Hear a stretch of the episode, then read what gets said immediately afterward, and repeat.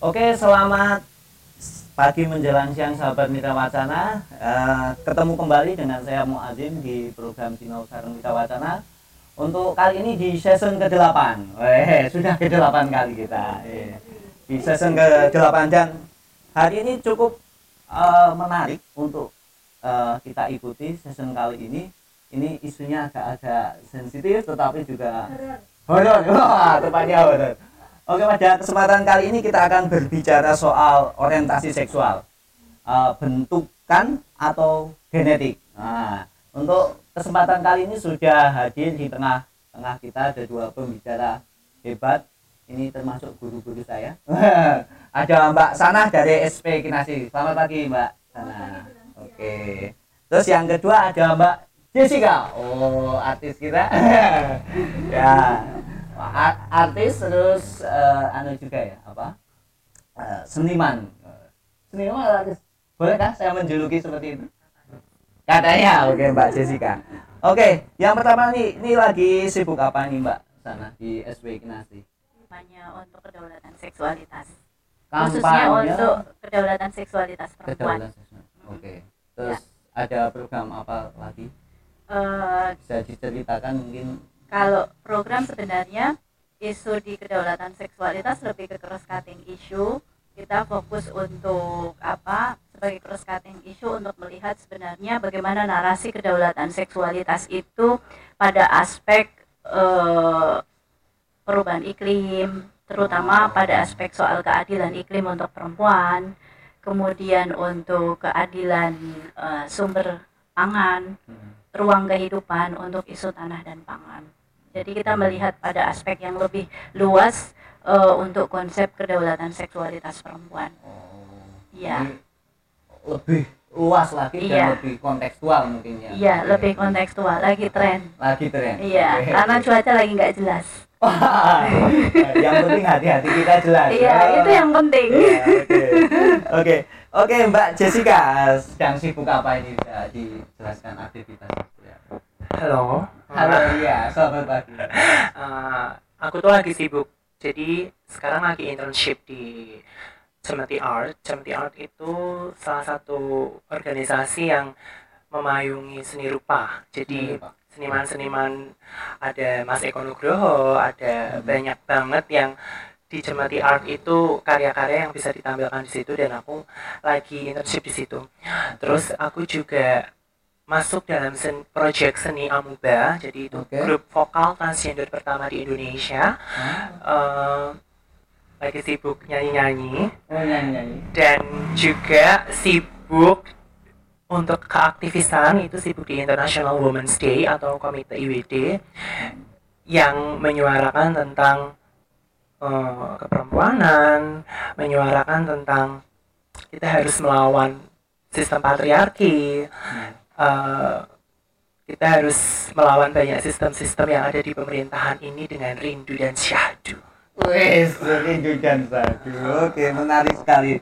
Uh, hari ini kita bicara soal orientasi seksual uh, ke topik ya Mbak ya uh, tentang bentukan atau kenapa sih kemudian SP Kinasi, Mbak Jess dan kita di sini untuk bisa ber, diskusi uh, tentang isu tersebut. Apa sih or, uh, urgensinya dan pentingnya? Orientasi seksual ya. Lagi setelah kasus yang warga negara Indonesia yang ada di negeri seberang sana.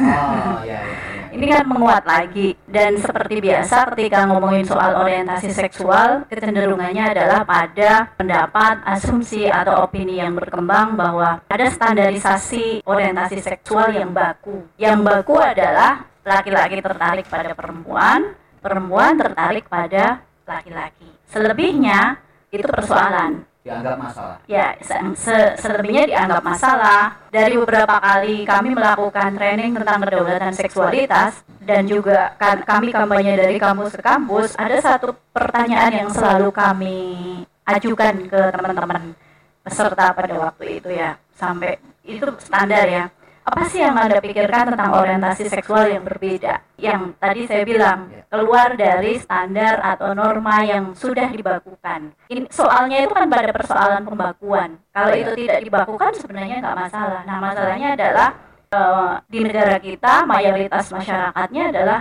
memakai sistem pembakuan Hmm. yang ini lekat dengan soal ketidakadilan gender, budaya patriarki yang kemudian ini menjadi pembakuan. Jawabannya menarik bahwa taruhlah ketika diajukan pertanyaan apa yang Anda dengarkan ketika mendengar satu kata LGBT gitu ya. Ya. Orientasi seksual yang berbeda itu kan identik dengan LGBT dalam pandangan masyarakat umum ya. Ada yang bilang menjijikkan, ada yang bilang hi, Hmm. ada yang bilang tidak normal, Ya. ada yang bilang itu penyakit, ada yang ada yang bilang itu gangguan kejiwaan gitu.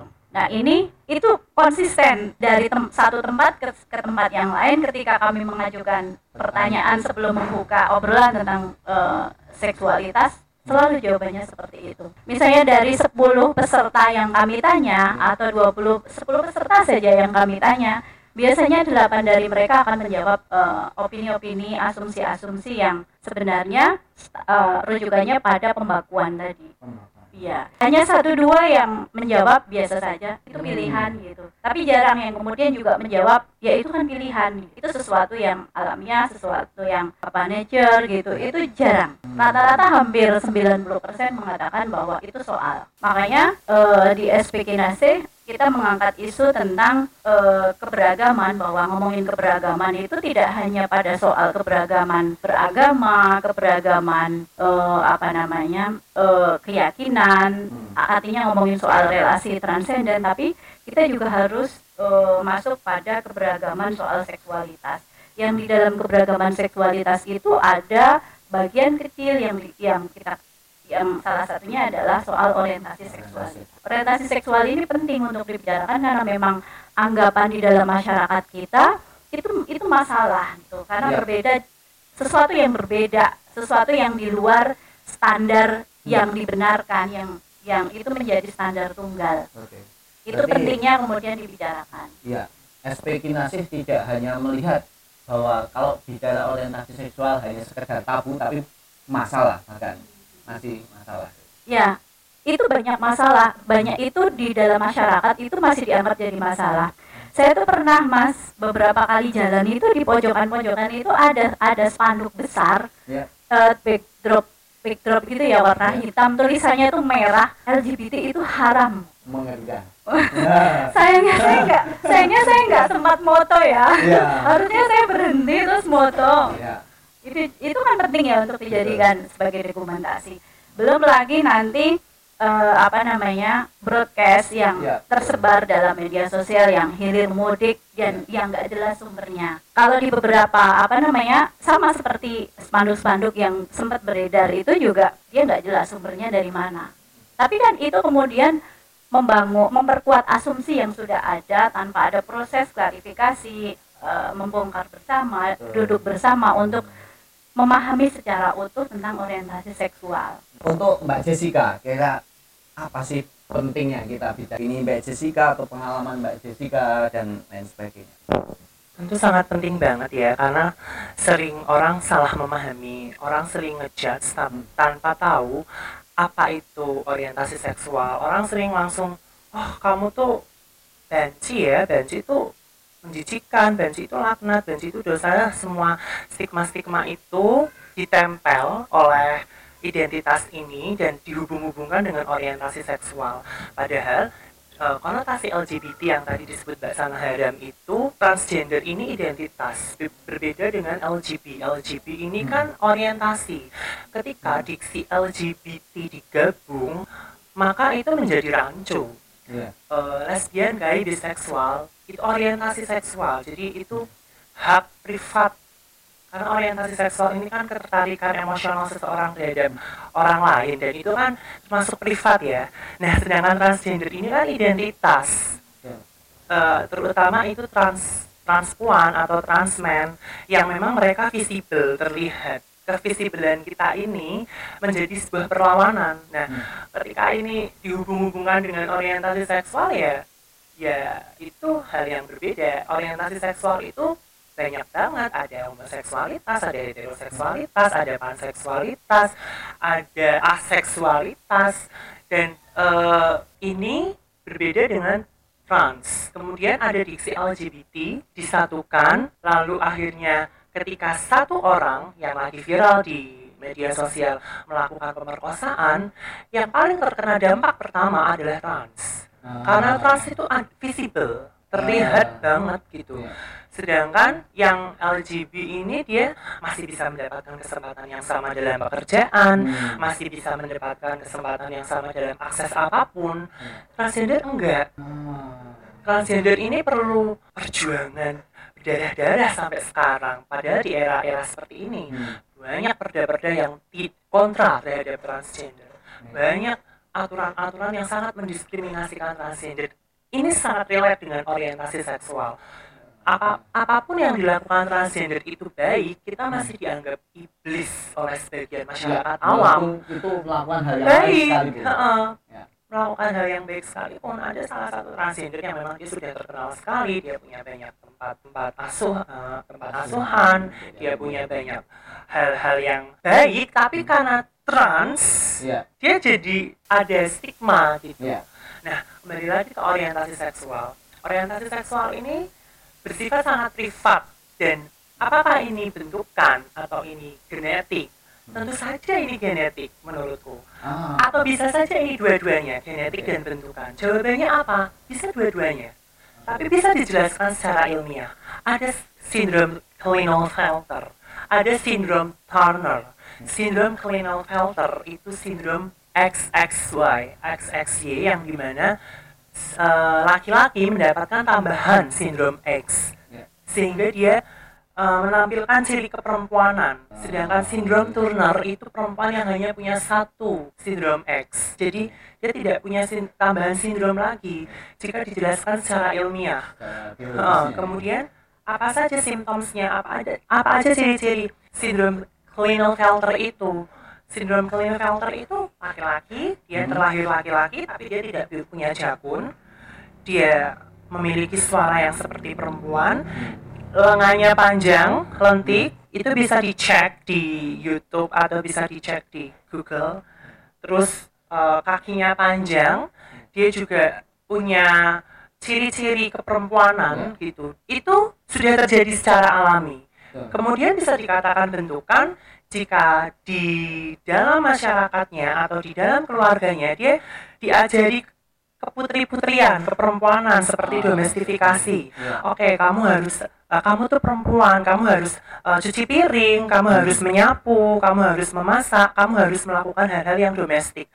Jika ini dua-duanya ini di- dilakukan oleh individu, maka ya sudah dia akan menjadi seorang yang trans meskipun dia terlahir terlahir laki-laki. Secara ilmiah aja ada sindrom Klinefelter yang memang dia uh, ketambahan kromosom X. Jadi ya memang dia secara ilmiah genetikanya dia perempuan. Memiliki tanda-tanda yang memang dia perempuan. Payudaranya tumbuh secara sendiri atau memang dia seperti perempuan dari kecil plus bentukan budayanya plus bentukan masyarakat. Itu dulu. Oke, terima kasih. Dan ini yang mesti dipahami oleh beberapa sahabat mitra yang lain termasuk masyarakat umum ya sebenarnya eh, saya baca-baca artikel juga memang eh, itu dipengaruhi oleh biologis dan psikis sebenarnya kan sampai membentuk jadi misalnya eh, transgender atau punya kecenderungan tentang seksual ya. Saya pengen mengkelirkan sebenarnya orientasi seksual itu apa sih? Itu biar ini lebih clear lagi sahabat mitra di rumah eh, apa sih orientasi seksual kemudian nanti bisa dihubungkan karena kemarin kita sempat dihebohkan dengan tadi Mbak Sanah bilang ada berita di ini beda nggak sih antara orientasi seksual dengan perilaku seksual kira-kira orientasi seksual ya orientasi seksual tadi sudah disinggung oleh Jessica bahwa orientasi seksual ini kan soal ketertarikan ya Ya. ketertarikan secara emosional ketertarikan secara pikiran Ya. eh, ket- eh, ketertarikan secara ruang gerak Hmm. seseorang yang itu kemudian menumbuhkan satu relasi interpersonal ya Ya. itu menjadi akan menciptakan satu ketertarikan yang menjalin secara utuh antara pikiran perasaan Hmm. tindakan itu orientasi seksual itu bahwa orientasi seksual ini kemudian eh, dia banyak dipengaruhi ada yang sifatnya genetik Ya. ada yang sifatnya non genetik Eh, begitu juga dengan nanti kenapa kemudian ada lesbi ada apa namanya bisek ada gay, trans dan sebagainya. Jadi kalau tadi sudah disebutkan bahwa orientasi seksual itu beragam sekali bah- bahkan ada orientasi seksual yang basisnya itu intelektualitas. Intelektualitas. Ya. Seperti apa itu, Mbak? Misalnya saya punya ketertarikan pada orang lain itu bukan karena fisiknya, bukan karena seksnya, artinya bukan karena soal dia identitas seksnya laki-laki dan atau- perempuan atau yang lainnya, tetapi dia tertarik karena memang kecerdasan intelektual Oh. itu ada ada juga ya. ada yang seperti itu ada banyak ragam Hmm. ada orang yang punya ketertarikan seksual karena memang dia eh, dia apa namanya lebih kap- karena dia apa bukan lagi-lagi basisnya Hmm. basisnya itu bukan hanya semata-mata pada seks Ya. identitas laki-laki dan perempuan atau yang lainnya jadi ada banyak sebenarnya beragam orientasi seksual tetapi kemudian yang memang seru untuk menjadi konsumsi untuk selalu diperdebatkan kan pada dua ranah ini Betul. karena memang pembakuannya ada pada di situ Ya. tetapi sebenarnya kalau kita mau ngecek konsepsi tentang orientasi seksual ada banyak sekali iya dan itu itu terjadi di Hmm. mana-mana cuman masalahnya kemudian itu kemudian di apa namanya disempitkan lagi dalam ruang yang lebih fokus yaitu Hmm. pada basisnya pada kelamin padahal sebenarnya Ah, enggak ya. iya Ada uh-uh. juga pernah saya baca Mm-mm. eh, orientasi seksual itu berbasis pada misalnya maskulinitas. Ya. Mm. Jadi saya entah itu seksnya apa pun pria dan wanita Ya. atau perempuan itu, tetapi suka karena dia ya metekol. Betul, gitu iya, jadi saya. dasar ori- basis orientasi soal se- seksual seseorang itu memang sebenarnya tidak hanya pada soal aspek physically. Physically sebenarnya itu identitas terakhir ya, Ya. tetapi ada banyak faktor yang mempengaruhi. Tetapi bahwa kemudian yang menjadi diskursus, menjadi perdebatan, kemudian hubungannya dengan LB gitu ya, Ya. LBG ya, non T. Nah, Hmm. itu memang kemudian eh, diarahkan ke eh, soal laki-laki dan perempuannya. Oke. Nah, ini nanti beda dengan perilaku seksual. Nah, Kira-kira Kalau perilaku itu kan sebenarnya manifest dari orientasi seksual. Yang Hmm. kemudian perilaku seksual ini banyak sekali hubungannya. Masalahnya ada perilaku seksual yang itu kecenderungannya kalau dalam konstruksi ge- gender itu lebih mengarah pada konstruksi ketidakadilan gender. Hmm. Dia melakukan kekerasan, Ya. dia melakukan marginalisasi, subordinasi dan lain-lainnya. Itu bisa terjadi pada siapa pun, tidak hanya pada teman-teman lesbi, orang-orang yang ya. berorientasi lesbi, orang yang berorientasi gay, orang yang berorientasi pada eh, apa namanya bisek dan sebagainya. Sebenarnya nggak nggak ada hubungannya Nggak dengan ada soal hubungan. nggak ada. Ini soal ini soal yang berbeda soal konstruksi berpikir, soal konstruksi sosial, Iya. konstruksi nilai yang diyakini di dalam dirinya.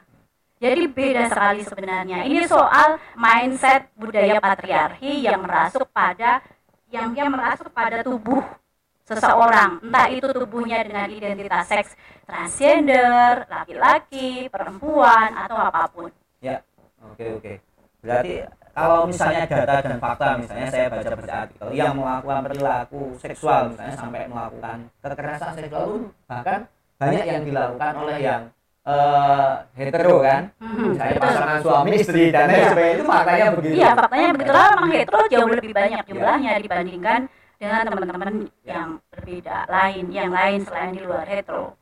Jadi memang sebenarnya nggak ada hubungannya, tetapi karena memang ini persoalan pada eh, kemudian sesuatu yang berbeda, sesuatu yang sudah dibakukan, karena pembakuan ini kan nanti hubungannya dengan soal ketidakadilan gender. Hmm. Nah, gender itu kan menjadi persoalan ketika ada persoalan pembakuan. Nah, masalahnya adalah pembakuan ini kan basisnya adalah pada eh, standarisasi normatif yang sudah ada, yang sudah diyakini secara umum. Nah, yang secara umum itu adalah yang hetero dianggap baik-baik saja. Nah, di luar hetero itu karena dia sudah dianggap berbeda, dianggap aneh, dianggap penyakit. Nah, ditambahlah dengan stigma-stigma yang dibangun bahwa perilaku seksualnya menyimpang, perilaku seksualnya apa namanya merusak, perilaku seksualnya macam-macam. Bahkan dulu saya tuh waktu kecil itu doktrin yang sering saya terima itu kalau lesbi itu kalau misalnya apa orang yang punya relasi apa eh, pacaran lesbi itu katanya kalau kalau marah terhadap pasangannya itu jauh lebih kejam dibandingkan hetero itu berkembang yang begitu-begitu saya ngalami betul situasi itu gitu Ya. sama dengan gay gitu padahal sebenarnya itu nggak ada hubungannya ini soal konstruksi budaya patriarki yang sudah mengendap dalam diri seseorang Ya. Nah, kemudian kenapa lahir orientasi seksual yang macam-macam? Ini juga nanti kalau yang non genetik ini ada hubungannya dengan yang disebut dengan geniophobia. Geniophobia. Iya, Oh. geniophobia itu kan sebenarnya jadi kalau perempuan, perempuan itu kan hidup dalam lingkaran makrokosmik dan mikrokosmik. Mikrokosmik itu perempuan itu punya rahim, ketika rahim itu difungsikan dia punya anak, di situ ada kehi- kehidupan mikro. Setiap orang dari kita semua mengalami kehidupan mikrokosmik, tetapi yang mengalami dua kehidupan adalah perempuan, yaitu laki-laki. Laki-laki tidak, karena laki-laki nggak punya rahim. Di dalam kehidupan mikrokosmik inilah sebenarnya proses edukasi, kemudian situasi psikologis seseorang, situasi indap, endapan pengalaman-pengalaman kekerasan, ketidakadilan, kemudian pengalaman eh, baik yang tidak baik dan sebagainya, pengalaman-pengalaman yang sifatnya adalah dikotomis dan non dikotomis itu masuk mempengaruhi perkembangan anak yang ada di dalam rahim. Itu kehidupan mikrokosmik seperti itu. Baru kemudian keluar. Nah, situasi genetik ini ini nanti berbeda lagi kalau tadi Jessica meng- mengemukakan bahwa pada umumnya setiap manusia itu kan punya persentase ya. Kalau mau di Betul. persentase. Kecen- Kecenderungannya kemudian tertarik pada Ada. yang seperti apa, orientasi seperti apa, ini banyak dipengaruhi. Baru nanti dihubungkan dengan soal perilaku seksual. Kenapa ada perilaku seksual yang dikatakan tadi penuh dengan kekerasan, ketidakadilan? Karena ada tadi pengalaman geniophobia yang ada di dalam kehidupan waktu dia berada dalam rahim. Karena ibunya mengalami kekerasan atau ibunya mengalami ketidakadilan yang dalam sistem sosial karena dianggap mungkin dia dari kalangan eh, proletar atau apa, itu ada banyak faktor. Ya, oke. Eh, mungkin itu dulu dan kita mau beri sebentar mau tanya jawab dan tentunya bagi teman-teman sahabat mitra semuanya yang pengen bertanya dan bergabung di session Sinau Sarang Mitra Wacana bisa bertanya silahkan catat nomor di bawah ini. Oh, oh no ya? nah ya silahkan di SMS di eh, bawah sini. Mana ya? Iya. Ini saya cetak pakai ya ini bisa WA SMS ataupun telepon langsung ke sini. Eh, ini ada satu pertanyaan. Mungkin agak loncat tapi tidak apa-apa seperti apa sebenarnya yang dimaksud dengan hipersek? Ini pertanyaannya. Dari Mbak Ning bagaimana mengenalnya ini Mbak Ning ini hipersek bukan? Bukan ya? Apa yang harus dilakukan jika ada seseorang yang mengidap hiperseks so adakah tempat konsultasi yang dapat diakses? Nah mungkin di SPK Nasi ada. Ya monggo jawab Hipersek itu wajar ya menurutku. Jadi oh wajar. Hipersek itu adalah sesuatu yang wajar. Menjadi tidak wajar kalau itu dilakukan tidak konsen kepada orang yang akhirnya menjadi pemerkosaan, pencabulan gitu.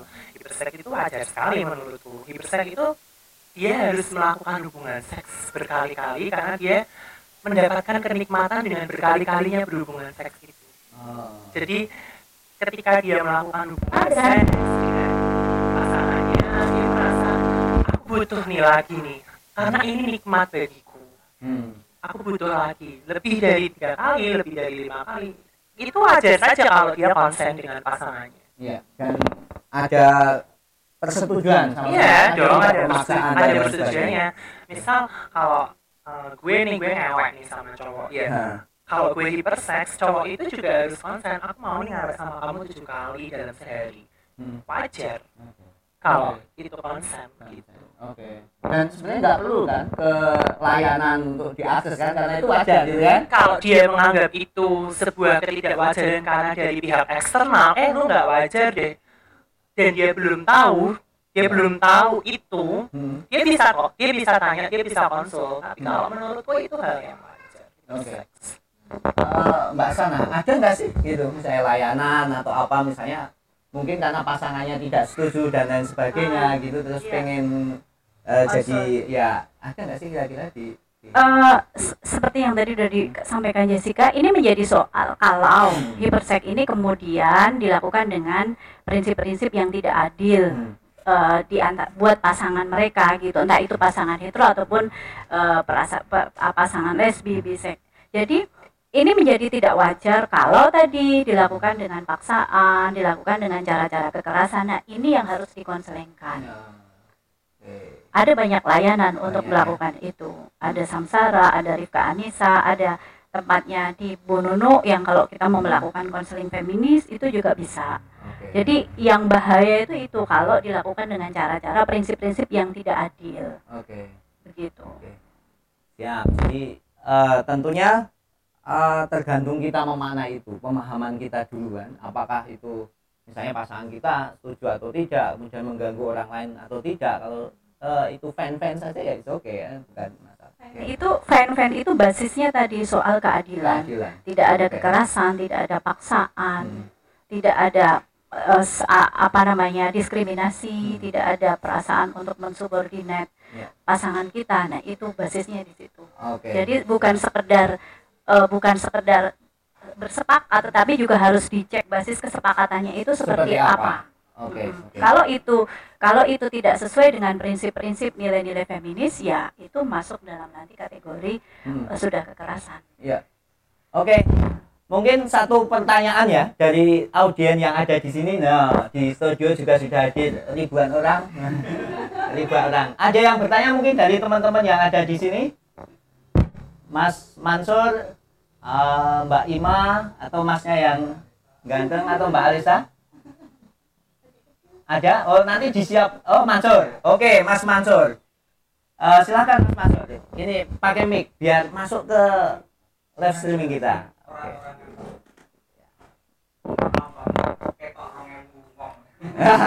ya. Ya.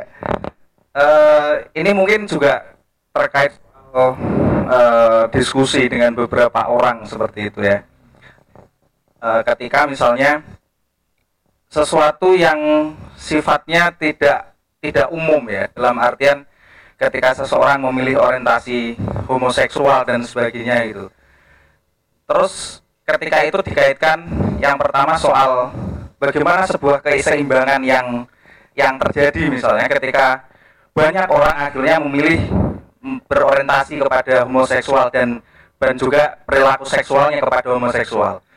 Bagaimana ke- ke- keberlanjutan umat manusia misalnya bila dibilang seperti itu.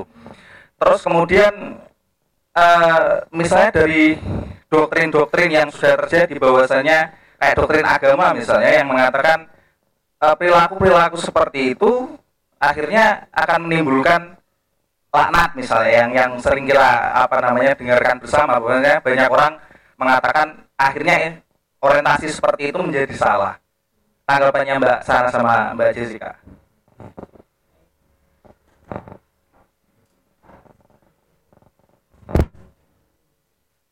Nah, ini mungkin satu pertanyaan yang umum masih di masyarakat kita. Mungkin Mas Mansur mewakili sebagian besar masyarakat kita soal itu. Monggo. dari sini.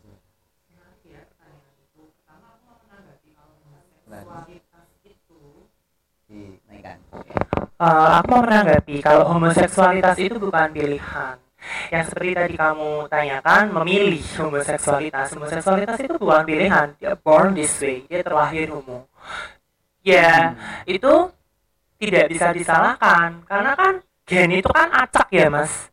Ada yang memang dia tertarik dengan laki-laki dan ke- ketertarikan seseorang dengan sesama jenisnya itu di luar kendalinya Hmm. itu di luar kendalinya.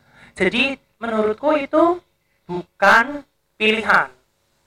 Itu memang dia terlahir seperti ya orientasinya seperti itu. Nah eh, di Indonesia itu belum menerima yang seperti itu, belum menerima kekhususan-kekhususan itu karena masih menerima yang pada umumnya. Nah kemudian kalau dibalikan lagi di doktrin agama, doktrin agama mana pun juga tidak menerima homoseksualitas. Tapi homoseksualitas itu ada. Homoseksualitas itu realitas gitu. Bagaimana keber- keberlanjutan bagaimana keberlanjutan umat manusia kalau semuanya memilih yang tadi seperti padahal itu bukan pilihan. Ya terlahir terlahir seperti itu. Itu bukan pilihan. Bagaimana keberlanjutan umat manusia kalau semuanya memilih memilih homoseksualitas? Oke, realitanya seperti ini. Di Indonesia, bahkan di dunia, itu banyak sekali biarawati, banyak father, banyak suster yang tidak menikah. Yang tidak menikah. Jadi, ya itu kan pilihan mereka tidak menikah mereka tidak tidak memfungsikan reproduksinya. Nah terus bagaimana? Bagaimana akhirnya eh, keberlanjutan itu? Ya itu pilihan juga. Yang pilihan itu keberlanjutan. Mereka mau menikah me- menghasilkan keturunan. Kalau bilang keberlanjutan itu kan berarti akumulasi ya. Kalau akumulasi itu kan berarti ada turunan ada waris gitu. Jadi yaitu eh, pilihan menikah itu. Menikah atau tidak menikah itu pilihan terhadap pribadinya. Kalau dibilang lagi eh, bagaimana keberlanjutan? Kenapa? Kenapa orang awam tidak berpikir ada loh brother ada loh sister ada loh father ada loh uh, pastor-pastor yang tidak menikah ini. Yang tidak menikah ini tidak di Indonesia saja tapi di seluruh dunia. Nah ini kan sendiri-sendiri nih yang katanya doktrin agama semuanya berpasang-pasangan. So terus gimana dong kalau gitu? Ilmu sosial tidak akan pernah bisa ditemukan dari dengan ilmu agama. Karena ilmu sosial itu bersifat tidak pasti. Tidak pasti. Relate-nya adalah silaturahmi tadi. Silaturahmi itu kan eh, apa kasih sayang ya. Nah ini relate akhirnya dengan agama. Tetapi kalau dihubungkan lagi dengan orientasi seksual LGBT semua agama tidak menerimanya. Praktik-praktik ini. Apalagi praktik-praktik homoseksualitas itu kan pasti ada praktik-praktik anal seks, ada praktik-praktik oral seks yang memang itu tidak dibenarkan. Padahal oral seks atau semburit itu sudah ada di kitab suci, itu sudah diomongin di kitab suci mana pun dan realitanya itu dilakukan. Dan banyak sekali teman-temanku yang menikmatinya. Ini realita. Jadi kalau dihubung-hubungkan dengan agama ya perlu dipertanyakan lagi. Seperti itu. Eh, kalau saya ya justru yang harus kita perdebatkan itu bukan pada aspek kemudian apa apakah itu perlu legitimasi agama atau bukan. Padahal kan ke situ. Karena memang faktanya semua agama melarang itu gitu nah sekarang yang harus kita pikirkan adalah ini ada realitas realitas ini sifatnya eh, minor dia tidak mayor Di- ini segelintir eh, orang. Artinya dari isi manusia di dunia ini hanya hanya kecil jumlahnya gitu. Tapi ini real, walaupun kecil, ini kan realitas yang tidak bisa kita tolak. Realitas ini harus disikapi dengan apa? Pertanyaannya akan ke situ. Realitas ini adalah realitas yang harus kita terima sebagai satu potret kehidupan yang ini harus kita hargai. Substansinya itu pada penghargaan atas realitas yang ada yang itu dianggap berbeda atau menyimpang dari standar normativitas yang ada. Kalau saya itu saja gitu. Agama itu melegitimasi ruang penghargaan itu yang paling penting. Bukan kemudian melegitimasi, memperkuat dikotomi-dikotomi mana yang benar, mana yang salah, mana yang halal, mana yang haram.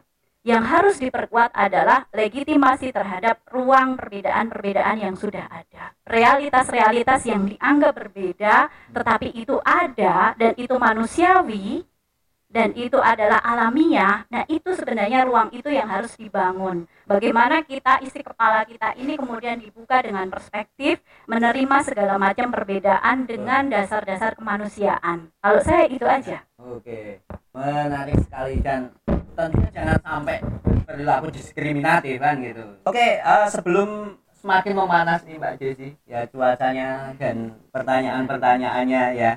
Eh, sebelum lanjut ke season 2 untuk eh, sesaat lagi kita perdengarkan dulu ikan layanan masyarakat dari Mitra Wacana. Ke depan mungkin SPK Kinasih punya short video bisa ditampilkan.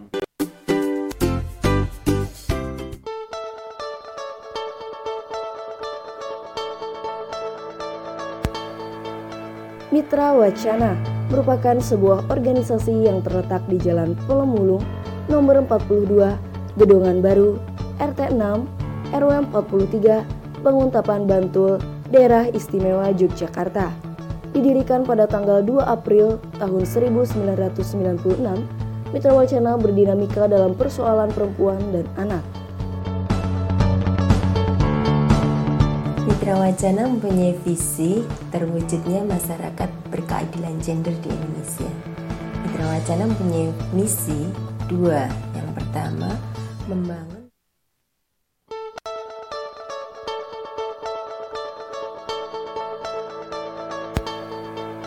Mitra Wacana merupakan sebuah organisasi yang terletak di Jalan Pelemulung nomor 42, Gedongan Baru, RT 6, RW 43, Banguntapan Bantul, Daerah Istimewa Yogyakarta. Didirikan pada tanggal 2 April tahun 1996, Mitra Wacana berdinamika dalam persoalan perempuan dan anak. Mitra Wacana mempunyai visi terwujudnya masyarakat berkeadilan gender di Indonesia. Mitra Wacana mempunyai misi dua. Yang pertama, membangun masyarakat demokratis, pluralis, dan berkesetaraan. Kemudian yang kedua, membangun organisasi yang kredibel dan dipercaya oleh para pemangku kepentingan.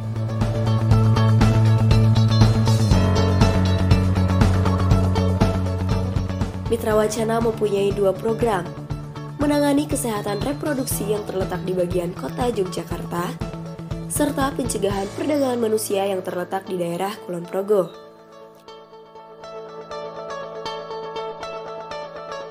Salah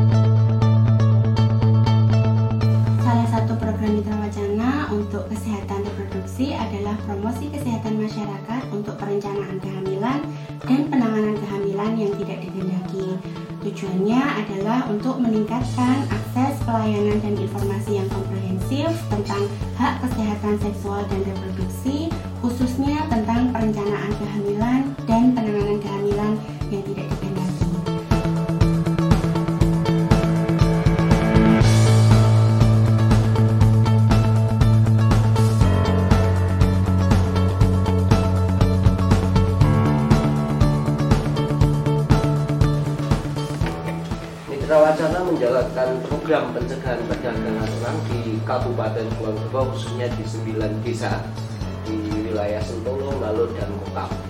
Kami berbasis pada kelompok perempuan yang kita sebut Pusat Pembelajaran Perempuan dan Anak.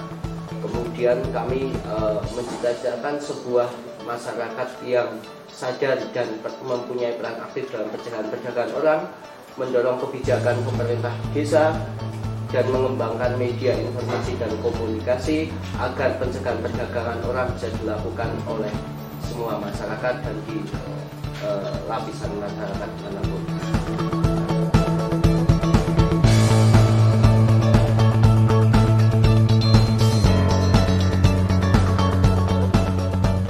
Organisasi ini berfokus pada penghapusan kekerasan seksual, perlindungan anak dari kekerasan seksual, dan pendewasaan usia perkawinan.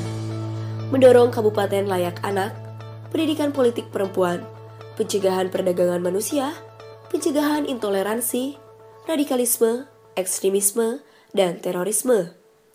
Dengan prinsip akuntabel, transparan, non-profit, efektif, efisien, dan kelestarian lingkungan.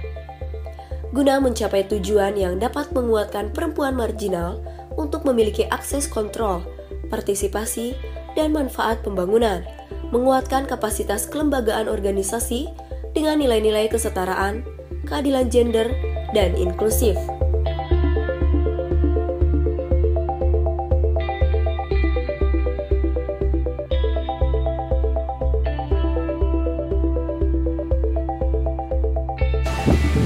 Mewujudkan masyarakat berkeadilan gender di Indonesia.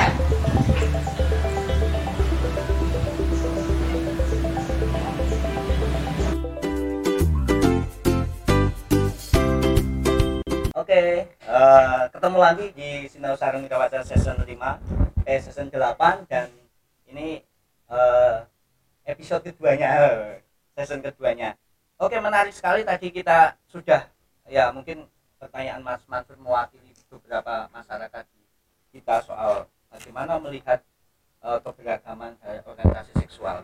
Eh, menurut Mbak Sana, ini bagaimana sih membangun perspektif masyarakat kita eh, agar dapat melihat teman-teman yang mempunyai keberagaman orientasi seksual ini agar kemudian tidak timbul misalnya soal perilaku yang diskriminatif monggo itu mungkin dari Baik, PR terbesar kita kan memang sebenarnya melakukan proses eh, eh, apa ya, menetralkan lah, menetralkan cara pandang, eh, perspektif terhadap eh, orientasi seksual di luar hetero. Karena eh, perspektif yang sudah berkembang itu kan tadi ya sangat diskriminatif, kemudian sangat tidak fair melihat tanpa melihat sebenarnya kenapa eh, ada orientasi seksual di luar hetero itu maka penting buat kita yang paham persoalan paham paham belum tentu bisa menerima ya. Hmm. Eh, tahu paham bisa menerima bahwa ada keberagaman orientasi seksual ya kita harus selalu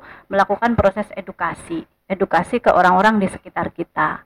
Bahwa edukasi yang paling mendasar adalah bahwa ada realitas orientasi seksual yang beragam. Hmm, bahwa orientasi seksual itu tidak tunggal bahwa realitas ini ya harus kita terima harus kita- terima sebagai bagian dari eh, kehidupan kita. Dan itu kita terima sebagai sesuatu yang memang ya orang itu terlahir dengan latar belakang yang berbeda-beda dengan bawaan yang berbeda-beda. Itu yang harus yang harus kita lakukan. Melakukan ya kalau bagi organisasi lembaga-lembaga yang memang punya fokus untuk isu keberagaman, isu asasi manusia, asasi perempuan, ya itu menjadi PR bersama, agenda bersama bahwa ini harus selalu kita apa namanya kita kampanyekan bahwa sangat penting menghargai beragam eh, orientasi seksual. Jangan sekali-kali menghakimi, jangan sekali-kali menjudge, jangan sekali-kali kemudian melihat itu dengan cara pandang dikotomis, benar dan salah. Betul. Ya, yang itu jauh dari prinsip-prinsip eh, apa namanya feminisme. Oke. Saya- Eh, ke Mbak Jessica ini. Faktanya juga kita melihat masih punya masyarakat yang punya perspektif dalam tanda kutip eh, mengucilkan atau menganggap ini masalah.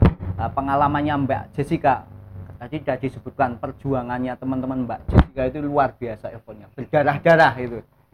Eh, bisa diceritakan mungkin Mbak eh, pengalaman ataupun eh, apa yang sudah dilalui Mbak Jessica dalam istilahnya merubah sistem dan tatanan atau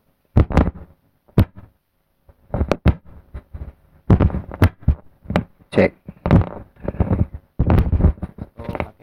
homoseksualitas itu kan eh orientasi seksualitas itu kan banyak ada homoseksualitas eh, individu yang tertarik dengan sesamanya heteroseksualitas individu yang ti- yang tertarik dengan lawan jenisnya ada aseksualitas individu yang tidak tertarik pada dua-duanya ada panseksualitas individu yang bisa tertarik dengan dua-duanya ada biseksualitas individu yang bisa tertarik dengan dua-duanya juga. Panseksualitas itu eh, turunan-turunan dari itu. Terus ada juga eh, yang tertarik dengan intelektualitas tadi. Ad- banyak banget jadi. Nah ini bagian dari SOGI SC seks orientasi gender identitas seks ekspresi seks karakteristik. Jadi eh, ini banyak banget. Kemudian apa nih yang terjadi pada identitasku identitas waria. Tentu saja identitas waria ini benar-benar diskriminasinya tuh eh, terlihat sekali. Karena kan transgender itu kan gampang banget ya diidentifikasi ya. Gampang banget diidentifikasi. Jadi eh, dia mendapatkan perlakuan-perlakuan yang tidak menyenangkan dia tidak mendapatkan eh, pekerjaan yang sama dengan orang-orang yang hetero. Dia tidak mendapatkan perlakuan yang sama ketika berada di publik area. Dia tidak mendapatkan hal-hal yang bersifat setara dengan orang-orang ini. Kemudian dituntut kemudian masih ada bullying. Pun- kemudian masih ada body shaming terhadap identitas ini. Nah eh, contohnya ketika ada teman waria ini temanku teman waria ini terjadilah di kehidupan semua teman-teman transgender. Dia di diejek sama teman sama orang. Kalau dewasa mungkin waria ini bisa menjelaskan eh gini loh tapi kalau anak kecil hancur dong. Gimana caranya menjelaskan dengan anak kecil itu sistemnya berarti yang salah. Sistem patriarki ini sistem yang benar-benar busuk sekali dan benar-benar sangat menindas banget. Menindasnya tuh menindas kita gitu. Sampai anak kecil aja dia kalau lihat waria itu tuh sangat apa takut sangat nge- ngejek banget sangat eh, itu hal yang buat lucu-lucuan meskipun ada teman-teman teman-teman teman-teman juga yang hmm, bekerja dengan identitas waria ini gitu. Tetapi kan dampaknya terhadap waria-waria lain gitu loh, yang benar-benar dia itu transgender gitu.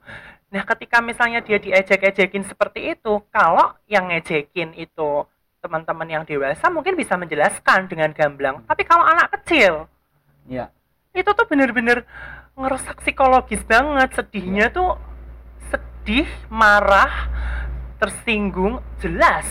Karena uh, ini akar penindasannya tuh bener-bener banyak sekali terakumulasi banyak sekali. Dan teman-teman transgender itu tidak bisa menjelaskan gitu loh.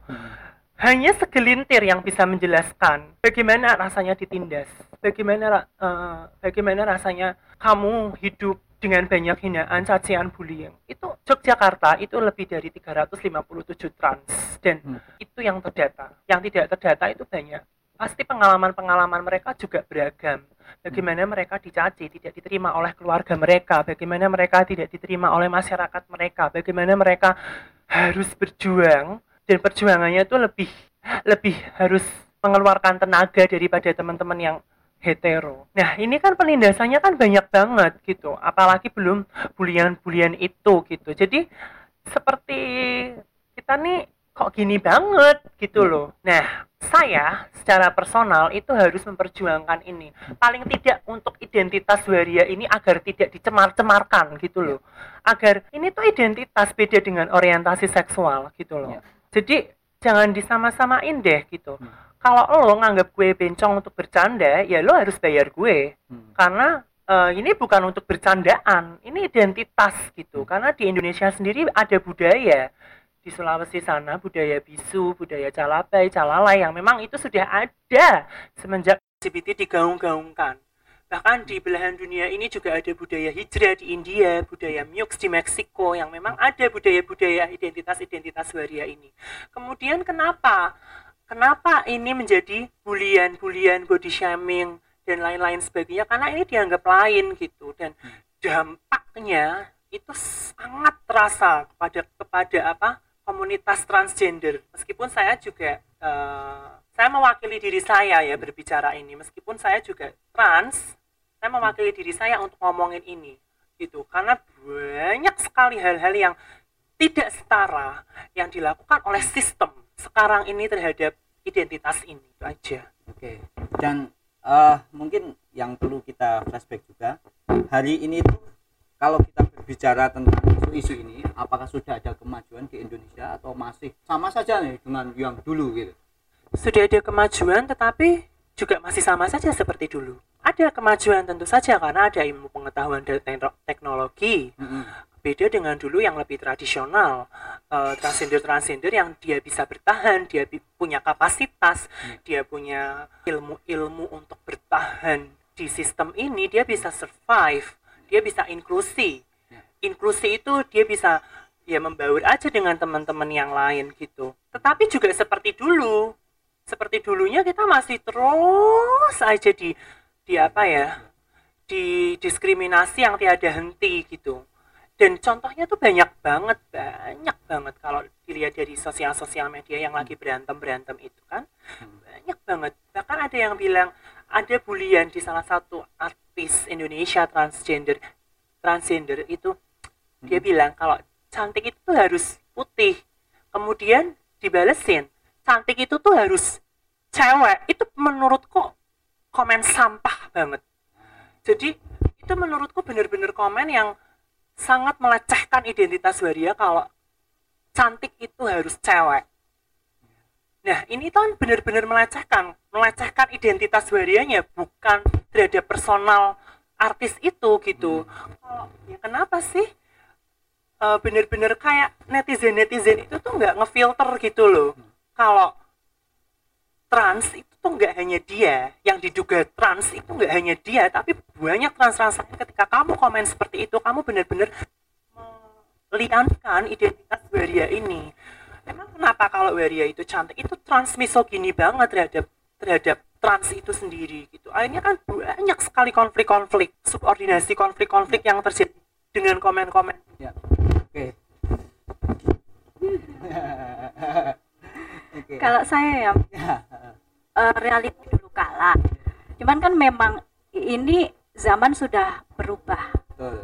Ba, uh, kalau kita menilai ke uh, gerakan apa namanya gerakan feminis gerakan gelombang 1, 2, 3, dan 4 dan seterusnya itu kan melahirkan arah perjuangan yang berbeda-beda. Sama seperti sekarang bahwa soal orientasi seksual ini uh, sama sebenarnya dari dulu sampai sekarang ada. Apa yang kemudian membuat itu menjadi berbeda? Ada situasi semakin menguatnya kecenderungan uh, berpikir fundamentalis yang basisnya adalah pembenaran tunggal. Sehingga ini semakin memperkuat konstruksi berpikir dikotomis. Benar dan tidak benar salah dan tidak salah wajar dan tidak wajar normal dan private sekarang ini tidak. Ini menjadi komoditas untuk diperdebatkan kalau misalnya mbak dulu dulu ya uh, kita pernah melihat tuh misalnya satu lembaga atau kajian ataupun apa pun ketika bicara soal orientasi seksual dengan keberagaman itu pasti ada beberapa dalam tanda kutip organisasi yang gue, gue uh, nyerang atau apa ya istilahnya. Kalau hari ini gimana pengalaman dari SP Kinas? Sebenarnya masih, sama aja sih mas. Masih sama aja? Iya. Waduh. bahwa ya. Mungkin yang benar-benar konsen ke memberikan penghargaan penuh pada uh, apa namanya teman-teman orientasi seksual atau teman-teman LGBT sebenarnya lebih banyak pada yang bisa dipastikan adalah organisasi yang punya basisnya perspektif feminis. Ya. Itu meskipun bisa jadi dia tidak mengusung eh, dia meng, mengusung kepada basis organisasi HAM ya bisa jadi bisa jadi enggak. Tetapi kalau secara institusional ya. Tapi kan soal implementasi data hmm Nah, ini kan soal yang berbeda yep. gitu. Kalau lembaga ya ya mungkin ada, tapi kalau lembaga kalau di secara institusional ya lebih banyak uh, yang masih belum bisa menerima tentang keberagaman seksualitas ya lembaga-lembaga yang basisnya adalah fundamentalisme. Ya itu sampai kapan pun kayaknya susah gitu. Karena kan standarnya tunggal. Ya. Pembenar, standar pembenarannya tunggal, dia tidak bisa uh, dia tidak menggunakan standar tentang kontekstualisasi situasi tentang keberagaman, keadilan, penghargaan pada kemanusiaan yang basisnya adalah kemanusiaan. Tapi lebih kepada soal hitam putih dikotomis itu tadi. Ya. Oke, uh, mungkin untuk sesi selanjutnya ada pertanyaan dari audiens. Ini tadi sudah masuk uh, satu pertanyaan Lawrence, kira-kira mau menyampaikan pertanyaan?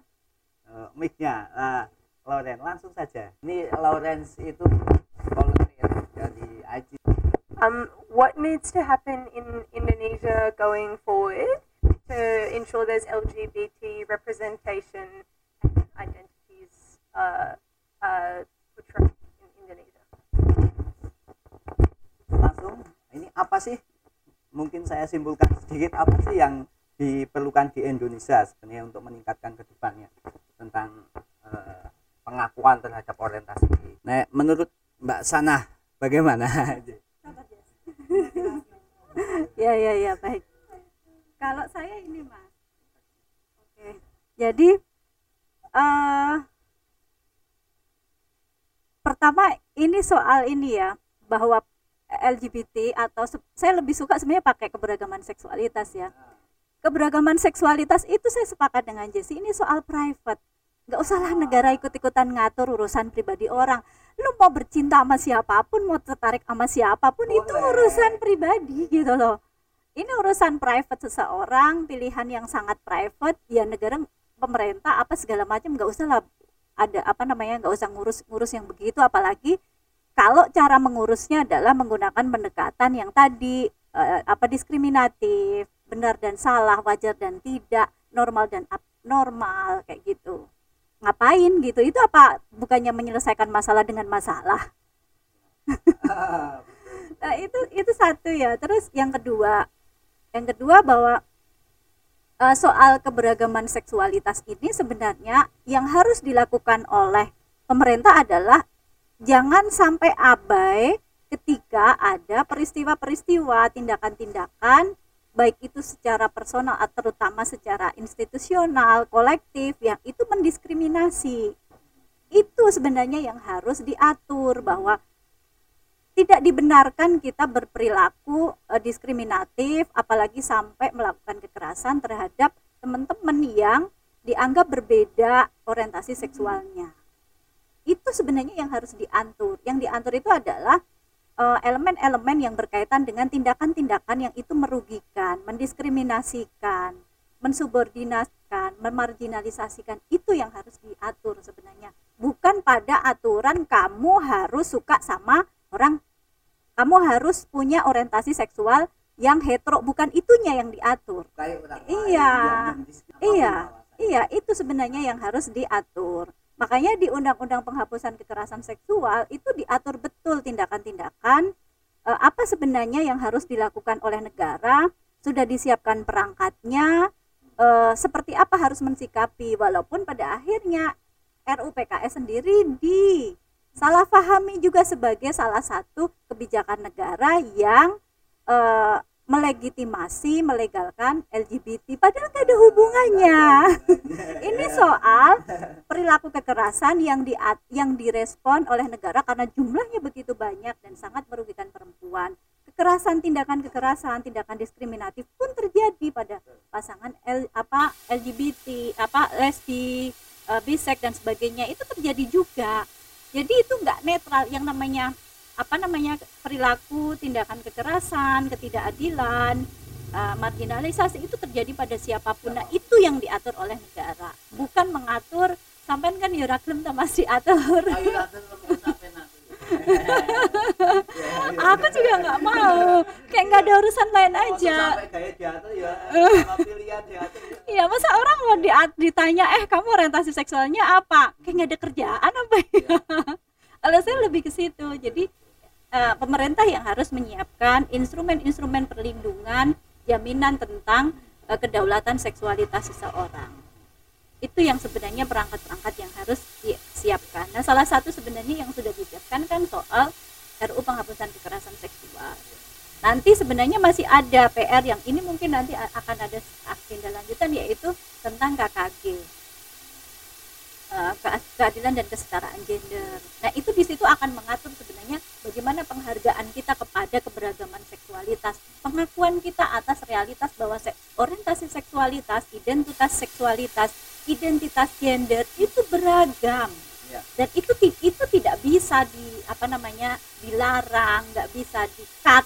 Nah, salah dan benarnya. Iya, apalagi sampai dipidanakan. Nah, repot ini kalau udah. Saya beberapa yang lalu beberapa waktu lalu juga menerima cerita bahwa mbak itu karena dia homo dia di penjara.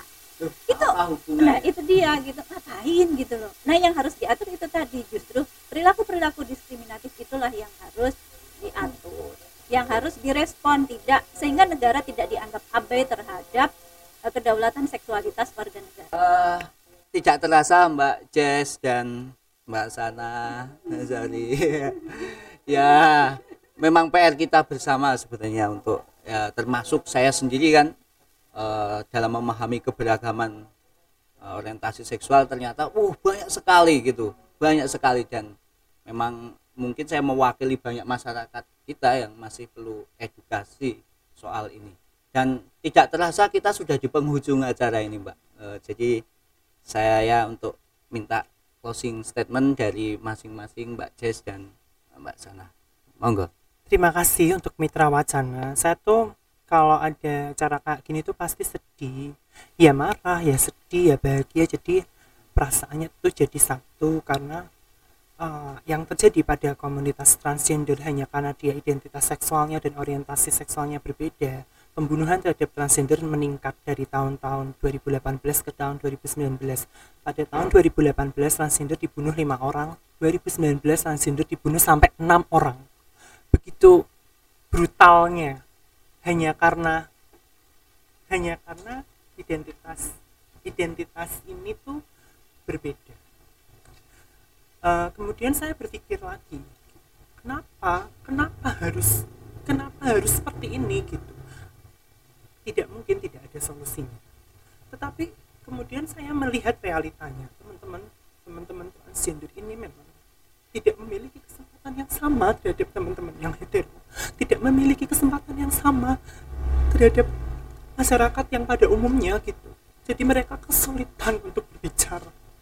Ketika mereka berbicara pun mereka selalu dibungkam.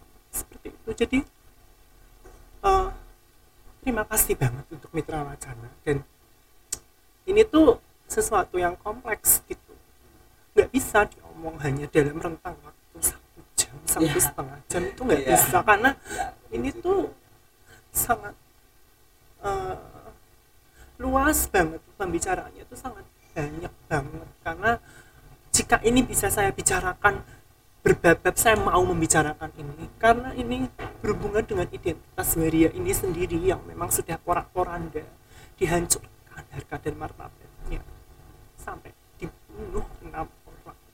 Bagaimana mungkin sistem seperti itu? Gitu. Itu benar-benar itu benar-benar kalau teman-teman waria seluruh Indonesia itu sedih tapi mereka tidak bisa mengungkapkannya. Bagaimana bagaimana Jess? Aku mengungkapkannya tidak bisa mengungkapkannya seperti kamu. Sedangkan aku sendiri kalau mengungkapkan pasti emosi. Jadi jadi satu gitu terima kasih kalau saya ya uh, kita warga negara Indonesia negara kita punya uh, apa namanya bineka tunggal ika. Ini netral agama basisnya adalah kesepakatan dari berbagai macam agama dan keyakinan. Ini jadi prinsip bersama untuk menerima realitas keberagaman seksualitas. Bahwa orientasi seksualitas yang berbeda itu adalah bagian dari realitas e, keberagaman seksualitas. Itu harus kita hormati harus kita hargai. Sudah tidak waktunya kita me, apa namanya memperdebatkan uh, dengan perspektif uh, berpikir yang dikotomis yang menempatkan itu sebagai uh, kesalahan dan kebenaran mendikotomiskan uh, itu benar dan salah ini haram dan tidak ini menjijikkan dan tidak menjijikkan. Akhiri itu sudah saatnya kita menerima bahwa uh, tidak semua apa namanya bahwa ini adalah uh, kenyataan realitas real yang harus kita hadapi dengan sikap yang adil dengan sikap yang fair. Bertanya sebelum melakukan judgement. Berpikir sebelum kita bertindak. Jangan sampai kita terjebak pada perilaku perilaku perilaku yang uh, tidak adil yang bias gender dan yang bias seksualitas diskriminatif dan lain-lainnya jadi akhiri segala macam bentuk kekerasan, ketidakadilan yang kita labelkan, kita stereotipkan untuk teman-teman yang punya orientasi seksual yang berbeda. Itu saja. Oke, terima kasih tepuk tangan dulu untuk uh, narasumber kita. Dan uh, dan selamat ketemu lagi ya. Ya selamat ketemu lagi di tokso berikutnya ya, Sinau Sarang Mitra Wacana di season 9 terima kasih selamat siang bye bye dulu